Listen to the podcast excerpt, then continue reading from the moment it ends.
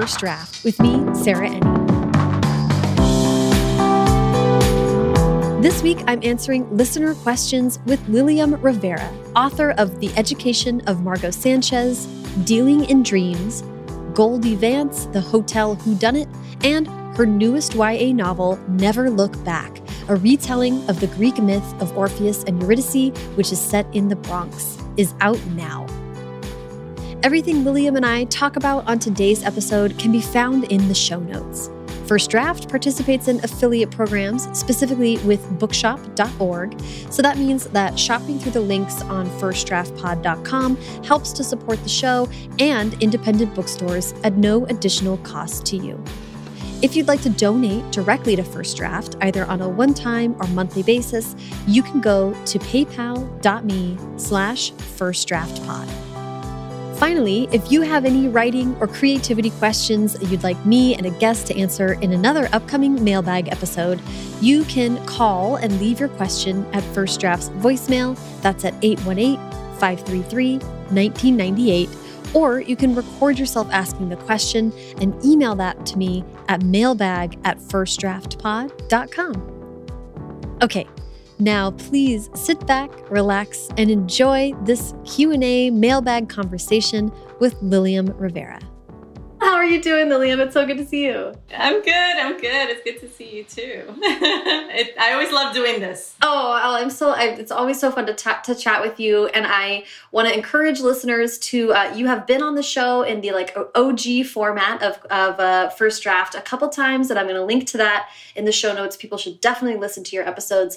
But this is going to be a fun one where we answer listener questions, and we got a bunch of great questions from listeners. So um, let's dive in and get right to it.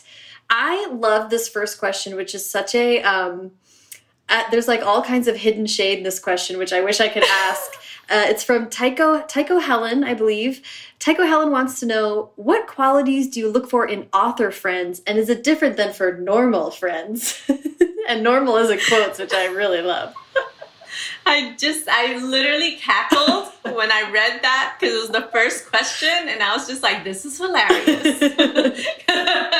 oh man, do I? What do I look for in author friends? Um, okay, so then the thing is, like, when you're doing this, like, when you start this journey of publishing, you really do need to find people who you could who you could confide in, who could tell you, give you advice and where how to navigate certain situations. You know, publishing is a business, so you can't just dive in with like you know stars in your eyes, like oh you know this agent loves me and now I'm it's paved in gold. Mm-hmm. You know my journey. No, it's like it's a business, so you should really be well informed.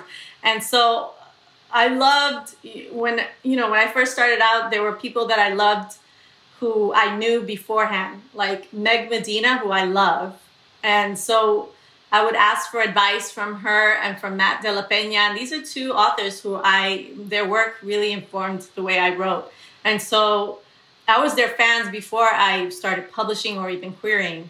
And I, you know, so are they different? You know, I, I mean, maybe I, they're like, they're the same in the sense that I, you know, I pick. I, I don't have a, a. I know a lot of people, but I don't. I'm not close to a lot of people. I'm friends with a lot of people, but I'm just like there's my my circle is very small. You know, hand, there's like five of us, maybe uh, five authors who I'm always talking to or on a chat, uh, group chat, and so I just keep it very small. And then because you know, you just want to confide. There's like publishing secrets. You can't yeah. you can't share it all out there and then you just you have to hope that your friend is going to keep it as quiet as you are so yeah um i think that's, right? i think that makes sense it definitely does and i think that you're bringing up a really good point which is I, I I I would say I'm really similar. There's like five or six, but kind of the threshold I like to think about it is like, who are my writer friends in my life that I could be like, listen, between you and me, you have to tell me how much you got paid for that book. Like, I need to know, like, I mean, numbers. those are your friends. you want someone to say, hey, I got paid this yeah. much. And then you're like, okay, now I know where to go. And you're sharing, you're sharing info, and you and you trust that person, right? So like, you need a you need the like inner small circle of people where it's like we can talk numbers, we can talk disappointments. I'm never going to hold anything against you. Same vice versa. So you have that core group, just like your tight besties in real life, normal friends. But but for an author friendship, it you have to find the people that you're comfortable talking about creative difficulties with, which is a whole other thing. And like you're saying, business stuff. You got to find people who are sort of in the same mode as you just I think that's just a compatibility thing. Like people who are interested in being public to the same degree that you are, or interested in approaching their career the similar ways to, that you are. You know, it'd be hard for me to be friends with a writer who wanted to go live in the woods for five years and not talk to anybody. You know what I mean? Like it, we wouldn't be right. similar.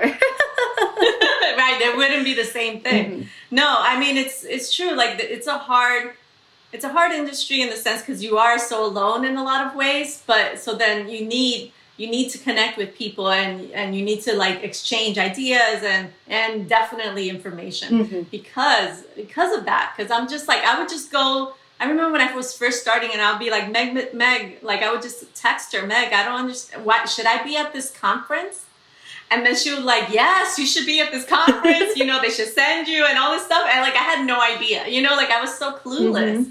and all of this is just the beginning of of, of you know school visits and conferences and festivals and all this stuff it's just like when you're first starting it's so overwhelming and you just you don't know and no one tells you there's no patent there's no booklet you know about it no guidebook no. for it Although everyone should listen to Track Changes, which does give you some basic info. Uh, we'll just put a plug in there for that. But, uh, but when it comes to the nitty gritty of your career, yeah. And and how do you feel? I'm going to ask it this way. A lot of the of my people who I feel like super super trust fall level with are people that I met even before uh, like we were all just back before agents, before anything. We were just kind of writing and on blogs together. And like, so my friends have been with me for like 10 plus years now. Yeah, I mean, I definitely have a couple of friends like that who, yeah, who we, we were just starting or we were just in a fellowship or something mm -hmm. or just the beginning stages of it all and um, or in a writers group mm -hmm. you know just sharing you know sharing our stories and so yeah, I totally get it. Like I totally get that. Like, but those are the people you want to be like, okay, we're in this journey together. Maybe you're ahead of me. Maybe I'm, you're, you know, or maybe I'm behind. Whatever it is, it doesn't matter. Like you're just sharing information. Mm-hmm. So that's how you pick your friends like normal yeah it's, it's funny because i think the, the difference in like no, normal versus author is just that the kind of things you're going to talk about are going to be it's just about people who maybe have a similar approach to you with writing or or think about creativity similar ways and then think about the business in similar ways. And god help you please have quote unquote normal friends who want to talk about not books you know like anything else. Anything else like seriously like just about tv uh -huh. like just yeah. Um Okay, that was such a fun question. I really, I, I love that one. Okay, now we're going to get into, there's some fun craft questions that we got as well. This one is from Maria Fraser. Maria uh, wants to ask, oh, I love this one. For outlining, how do you know what's going to happen in your plot before you write the book? I mean, good question. oh, so good. Oh, man. Well, I I do an outline for sure. For me to start a project, I really have to know where how it begins somewhat. Like I have to know the beginning and I and I have to know how it ends. So I usually have that like it's an image or you know a feeling. And so when I have when I sort of have that idea and I've worked through like some plot points but not hugely, but then I'll write an outline. But I really can't begin a project until I knew know how it starts and how it ends and then I'll write an outline and then, you know, hopefully, and then I don't look at the outline. I just write and then I just write and whatever tangent I might end up taking, I just allow it to happen because it's the first draft and mm-hmm. most of it is going to be trash anyway. So, you know, you just want to allow yourself to be creative and be kind of free willing and not impose anything and an outline might feel like an like imposition like mm-hmm. it might be mm-hmm. like rules or something you have to follow and so i try to do that for the most part yeah i think that's really that's it's also i'm like it's been a minute actually since i just started outlining something brand new because i tend to rewrite and rewrite and rewrite which is something I'm working on. But uh, so I'm I'm thinking like when you have a good idea though, I do think to your point like you should probably have a sense of like here's the main characters, at least the ones that I know of, and what's their main conflict. and like where do i in, you don't have to know exactly where they end up but i think in general where they end up and then i think you just start thinking like if what are my characters like? What is their priority? What do they want? What's preventing them from getting what they want? And that's going to generate some like things that happen in your book right? And then you can kind of just jot those down see what sounds interesting see what doesn't. I think outlining can be really useful just to be like let's just write everything out of what what could happen or what's at the top of mind and then see if things make sense in a linear way you know you can use it for that and then like you're saying totally throw it away just write a first draft and see where it, where it goes once you're actually in there yeah i mean i you know it i think i have to rely more on outlines now if i'm i'm doing an, uh, a project that's not an original project. So if someone hired me to write a book like Goldie Vance, I was asked to write those book, write a book, uh, write the Goldie Vance book. So we went over the outline. I, you know, so I had a somewhat thorough outline, and then, you know, they approved it, and then, um, and then I wrote according to that outline mm-hmm. for the most part. But, but that was just a different kind of beast because it wasn't because I had to really focus on what Goldie Vance that that world is already rich. Mm-hmm. So it wasn't my original world you know that's also uh, like a mystery story which really if you can't really freewheel it with mysteries so much they require so much uh, uh what's the word? Discipline i think is the word I yes. I was uh yeah that was it was tricky. It was funny though but it was a good way for me to like okay you have to be really kind of focused and every single word is is is uh, necessary or if not it's just it's tossed mm -hmm, out. Mm -hmm. you know That's, so yeah i love funny. that. Um, okay and well this kind of goes back to the friend question actually. Uh, maria fraser had brought another question to us which is how do you keep yourself from exploding when you have publishing secrets? Oh man. That's um thank yeah that's true. It's like thank goodness i could share uh, some things. Like like for example the i you know i was recently announced that i was doing a star wars short story. Now star wars is like notorious. Like they don't want you to talk to anybody right? They're just like keep it quiet. And you know you're just like okay i can't say a thing. And then i'm like so you know i told my family and then i just had to wait and it was months. And then my friends i didn't even tell my friends and my friends like how dare you? Like but I was just like, you know, I because I couldn't. Like I, I yeah. felt like if I started, it will just go on. Like I'll just tell everybody. Like I'll just tell everybody on the streets, just everybody. so yeah, that's hard. It's hard to keep secrets. Um, yeah, especially when you know that you have to wait almost a year. Yeah, sometimes. that's it's and and you and that you know I'm trying to think about a way to say this that's that's not.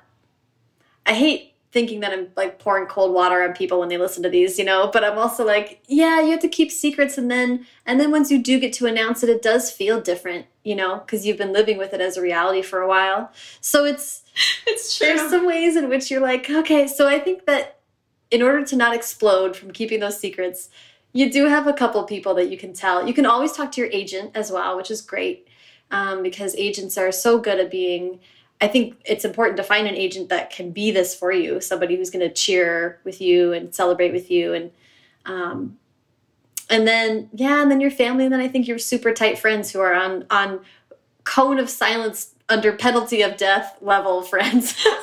you know, because you can't not even a hint online. Like don't even like say anything. Mm-hmm. Like if you know that they're saying something, then that's that's you might have to rethink this whole friendship. Mm-hmm. Yeah, they can't be costing you Star Wars contracts. No, no. you know what I'm saying? I love that. Um Okay, I really, really am interested in in your feedback on this question. This is from Bridget F. Bishop, and she wants to know how do you deal with the feeling when you're drafting a book that what I'm doing isn't important? That's me every day. That's literally me just going to the blank page and trying not to, uh, you know, I wake up with doubt every day. So I've done this, which I, I do in my classes when I'm teaching or, you know, workshop, you know, leading a workshop or something is that I'll do a fear list and I'll just write a list of fear, you know, all my fears of why I feel like I'm not ready for this project or you know no one's gonna buy it or you know, or it's gonna suck blah blah blah and I just write it out until I until I do it for like 10 minutes or something and then I re, you know I delete it afterwards or I throw the paper away mm-hmm. and then I start going you know and then I work so that's usually what I try to do. I just write a fear list. And um, you know I, I there's doubts. There's always doubts. But it's a beginning. Like i it's never finished. Like it's never complete. So you know even when it's like in a book form i could easily edit a, the books that i've been published mm-hmm. that i've published. Mm-hmm. and i'm just like i'll re i can rewrite this whole thing right now. So you know so it's just a matter of like giving it to someone else and getting that feedback yeah i like i really like that writing a fear list that totally makes sense. And then, you know, I like this, we're dipping into just like straight up therapy territory now, but I feel like you could write a fear list and then think to yourself, like, well, why do I have that fear? You know, like, is that rooted in the real world? Like, this book is going to sell any copies. Well, ultimately, I don't have control over that, right? Like, I'm, I'm afraid of that because I'm a human being and I care about my career. So, okay, that's like the fear everyone has, so we can cross that out. Like, am I worried that I'm gonna, my writing is gonna suck today? Well, that's guaranteed. That's like not not so much a fear as like an acknowledgement of reality. So okay, but but guess what? We get the rest of X period of time to like make it better, right? So I think that maybe writing about it just is so helpful to see things in black and white, and then sometimes you can be like, that sounds like actually a fear that's there from when I was a kid or from am I worried that Twitter's going to read? It's something dumb like that that you can just be like, ah, we don't have to actually worry about that.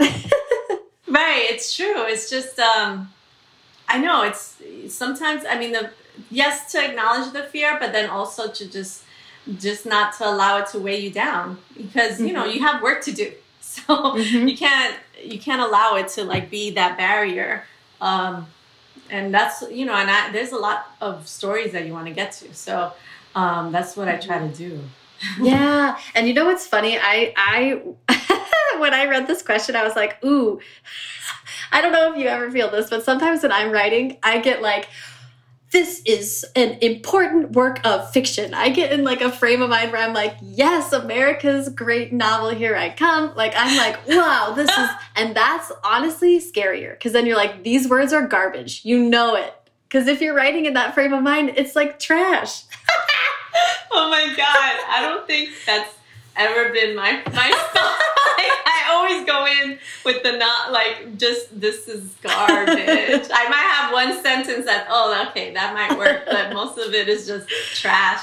So I'm just like God, I hope I hope this works. I think I sent a draft to my editor uh, for a young adult book that hopefully maybe comes out next year, and then I was like, it is what it is. like this before Michelle Obama said it. Oh yes. I was like literally before that, and I was just like, oh my God, it's it's out there in the in the air. it's like this. It is what it is. This draft is is what it is. Uh, now you have to you have to find the GIF of her saying it, and that just is every let every email to an editor. exactly. Exactly. oh, that's so funny. I love that. Cause, but I, I also think what you said is so important. Like you have a lot of stories to get to, and you have work to do, and if you kind of just say, "Well, this is my work, and I'm just I got to sit down and do it," then you can kind of kind of plow through some of that stuff. Okay, let's see. Next question. Oh yeah, this is one. I feel this one in my heart. This is from Allison C. Doherty. Allison asks, how do you prepare for sub uh, emotionally when you have previous novels that have not sold? So sub, Allison, means uh, that's the process by which your agent sends your book out to editors to see if any editors want to buy it. And if you go on sub and your book doesn't get sold, um, like I think Allison is saying here, then you're just pretty much donezo and you have to put that in a drawer and probably not ever come back to it, which is the uh, whole thing. The worst. Um, I would say, well, it's interesting because I've for each of my novels, three novels that I've I've um, went on sub for, I was away somewhere. Like I was, you know, oh. I was at oh. Clarion for six weeks, or I was at a conference you know, like NCTE, which is really intense conference. And I was there for the weekend, long weekend. And so I was really, you know, doing a lot of stuff. So during that time, my book was out. And, um, and so I had to juggle a lot of stuff. So I couldn't, I didn't have, I didn't have time to be at my house over, you know, like waiting for the emails, like, you know, refreshing because I had, I had to do things and that was like the best possible thing, like the best possible solution for all that because I am very obsessive. And so I didn't have time to be obsessive because I was I would check my emails. My agent would email me certain things, and then he's like, "This is happening and this is happening," and I'll be like, "Okay," and then I'll just like move along to whatever next thing I have to do. So, you know, everyone always says when you send something in submission, you're supposed to be working on another project. And sometimes you can't do that. Like, you know, like that sounds like a great idea, sure, but sometimes you just can't. Mm. And so I just feel like you just have to distract yourself with something. Yeah.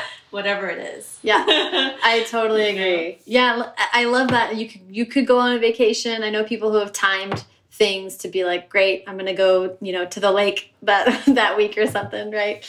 Right. And kind of get away. Um, I, I, this is not a fair thing, to, but I like so in my experience, I sold Tell Me Everything. That was, as you said before, someone asked me to write that, so it was an unusual thing. But I, before that, went on sub with a book that didn't sell. It got really far to acquisitions, but it didn't sell. But that's the book that I'm writing again. So I'm going to go on sub this fall, hopefully, knock on wood. So this question really kind of hits me, right? Where I'm like, oh, what am I doing to prepare emotionally for that, for that experience? But oh, it, I mean, that's. I'm glad that you like reworked it and still like let's go. And who knows the the reason behind why that one the, it didn't sell before, you know? Totally. just be timing. And this and the version of it now is like completely different and it's so much better. So I'm so happy about it. But I do think like I'm always very grateful, I will say. I'm looking ahead to be like, well, when I when it goes on sub, something that has been that I've been really grateful for is having the podcast, right? Because it's something that takes up a lot of time, it's a lot of work but it's not writing. It isn't the same as trying to sit down and access that creative brain. It's a lot of like, let's redesign a website. So I feel like I I feel fortunate to have something else that I can turn to and kind of take up time and feel productive, but like not just sit in front of my email all day. Okay, so then I will add this is that I didn't do this for myself, but I had a friend who was debuting. Um, her book comes out next year. Vanessa Vanessa Lynn, um, uh, and she's writing a YA fantasy. Anyway, so she was going on sub and I created a playlist for her. And it was so good. But also it just made her it's like she it, she listened to it and it made it, she got she got paid. So Ooh. so there must be something there. Oh, there's some Hopefully. like yeah, magic yeah so maybe next time when i'm on sub i'll listen to it. I love that's a i love that. That's a great suggestion to come up with like a pump yourself up playlist or distract yourself playlist. Yeah exactly exactly. That's awesome. Okay i want to let's let's wrap up with this question because this is a great one uh, for you Lilliam. This is Saya Hatnamesi, I think, I hope that I'm saying that anywhere near correct, wants to know what tips do you have for writing Latinx fantasy? Okay, so what tips do I have? Um, a lot of whenever I'm writing fantasy or science fiction or anything like that, I'm trying to tie it to history. So, and because my characters are usually mostly Latinx characters, I'm tying it to their particular history where where they're coming from or any anything in that sense.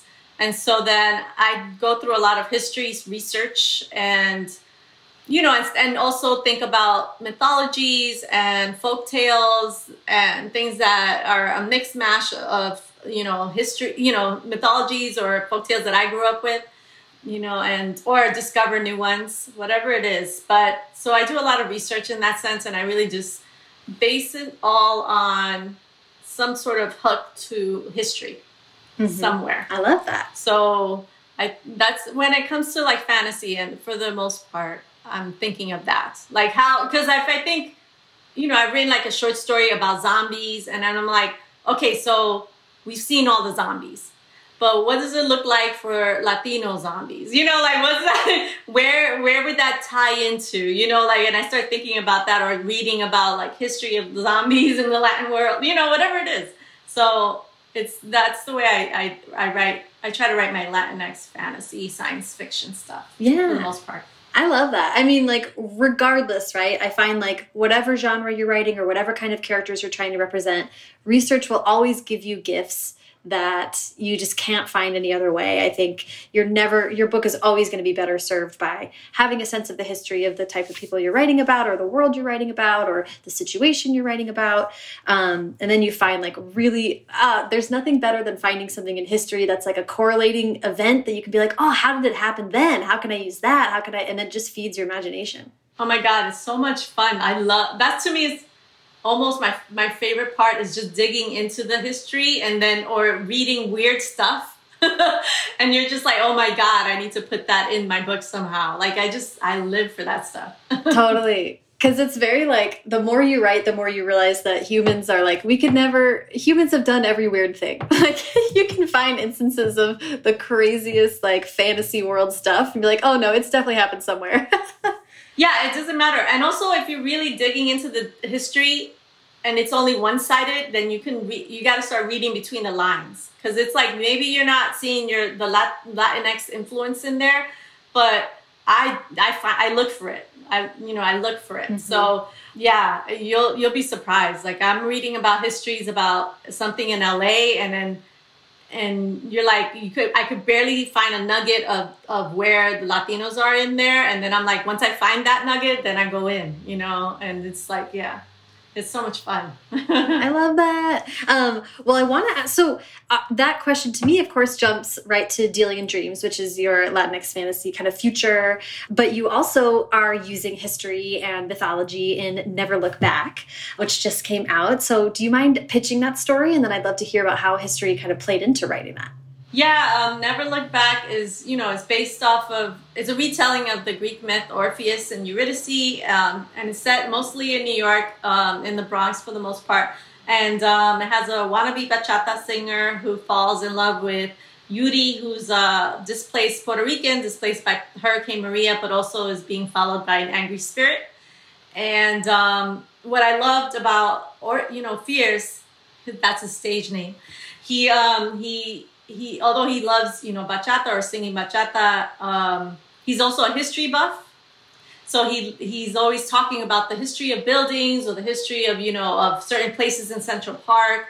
Um, and i i love that because i'm also like i'm not a history buff but i fall for those kind of things. Mm-hmm. and so it's kind of he's kind of a great person to like oh um, you know, I believe in history or I believe in dates and facts, and then he has to believe now in a, under you know a spiritual a spirit world, a world that's that he never knew existed, and so he's that's where they meet. They meet, you know, one is a believer and uh, and another person is a non-believer, and how how are they going to have to deal? You know, how do they'll battle? You know, um, the things that they'll have to battle. So it was really fun writing that story. Um, I had a great time, and also I just needed love. I wanted to, I wanted a love story. I wanted a horror story and a love story. I was gonna say you're getting a lot at once in that. That's really interesting. it really is because it's all like magical realism, and then it's scary. Everything tied to the Caribbean. So it was really about me exploring the Caribbean you know, Dominican Republic and Puerto Rico and just the horrors of that, of generational trauma and all those things. And, and, and then young love. Who doesn't want young love? Did you, so I, am like, you're not going to, uh, I, this is the question that everybody gets asked, but I do want to know, did you start with the myth or did you, were you looking to tell a love story and then found the myth or how did that kind of come together? No, I definitely started with the myth because I was obsessed with uh, the movie Black Orpheus, which is a 1950s film and they that's a retelling and it's set during carnival in brazil. And so then i love that movie. I saw it in high school and um, i was obsessed with it. And so my sister was like we were talking i don't know what i'm going to write. What am i going to write? And then she said you should write the black orpheus book. You know? Like you should figure out a way of writing that. And i was like oh okay. And so hurricane maria happened and i was very depressed you know, with Hurricane Maria and my parent, my family had to suffer through that. So I had to figure out a way of doing it, of writing about Hurricane Maria and my love of Black Orpheus. Yeah, that's and see, uh, we just talked about having writer friends, but then you have your your sister is like, oh, I know exactly. Like, here's your homework assignment. Thanks, sis. I know because I was battling. I was like, I don't know what to write next or what should I do. And I had written a middle grade book that did not work. And I had to let that go. And so then she said that. And then the book, the draft came out fairly quickly because of that, you know, because I, because I wanted to write it. Because I was like, yeah, of course, why not? Yeah. You know what?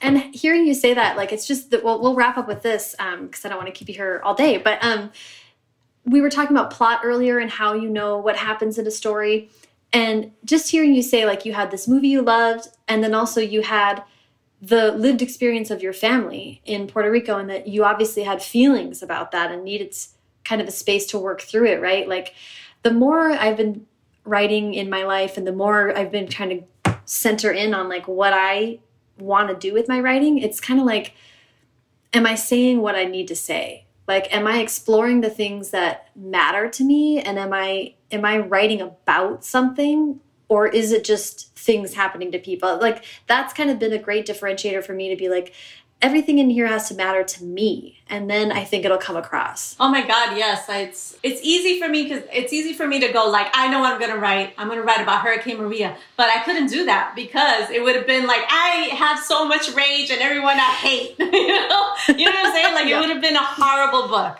And so then i was just like I, how am i gonna write about this horrible thing that's happened to my family is happening to my family?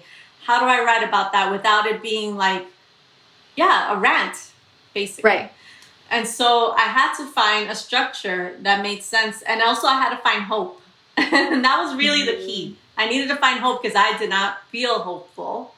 And so I needed to find hope, and I found it through those characters. I found it through that myth even though that myth is a tragedy, but I found it through that myth anyway. yeah, I love that. I mean, those are the things that I think make writing so magic, right? Like that's why you can devote a life to it. You find just about stuff about yourself. You find it's it's the whole job is finding meaning, and that's hard work, but it's important work. yeah, that's when you get the scary part where you're like, oh, I don't know if I want to go into that or write about that, and then when you know you're hesitating, that's when you know that you probably should. Yeah. that people will connect, people will connect to it, you know? And so Never Look Back was really hard for me um, to write, but I was, I'm really glad that I did it. You know, I feel like I, you know, whatever, whatever I wrote, it was really literally my heart is on those pages. So yeah, well, I'm so excited for it. It's also got a gorgeous cover, which I'm obsessed with. Um, um, I am I'm cover blessed as always. you are cover blessed. You have some incredible. Yeah, it's it's it makes your shelves fun. I can only imagine. Um, this has been so fun, Lilliam. It's it's so great to catch up with you, and I hope soon that we're in the same city. I have to get myself back to back home. oh my God, yes! But it was it was so great to see you too, and just even to talk about work and, and writing. Thank you so much to Lilliam. Follow her on Twitter and Instagram at Lilliam R, and follow me on both at Sarah Enni and the show at First Draft Pod. If you are an aspiring writer with questions about the business or a seasoned vet who still doesn't quite understand all the nuts and bolts of publishing, be sure to check out Track Changes, the podcast mini series that lays out just how a book goes from your laptop to the bookshelf. All nine episodes plus four bonus episodes are available now at firstdraftpod.com slash track changes. I've also created the Track Changes newsletter, where every Thursday, sometimes Friday, I share more of the information I gathered in researching for the Track Changes project. You can sign up for a 30-day free trial of the newsletter and learn more about the newsletter and the podcast miniseries at firstdraftpod.com slash track changes. If you enjoyed the show today, a quick and easy way to support it is to subscribe to the podcast wherever you're listening. And if you have a couple minutes, leave a rating or review on Apple Podcasts. It really helps the show and gets us in front of new listeners. It also paves the way for really exciting things like when First Draft was recently named by Apple Podcasts one of the top 25 podcasts for book lovers. Haley Hirschman produces First Draft, and today's episode was produced and sound designed by Callie Wright. The theme music is by Dan Bailey, and the logo was designed by Colin Keith. Thanks also to transcriptionist at large Julie Anderson. And as ever, thanks to you, fearless conquerors, for listening.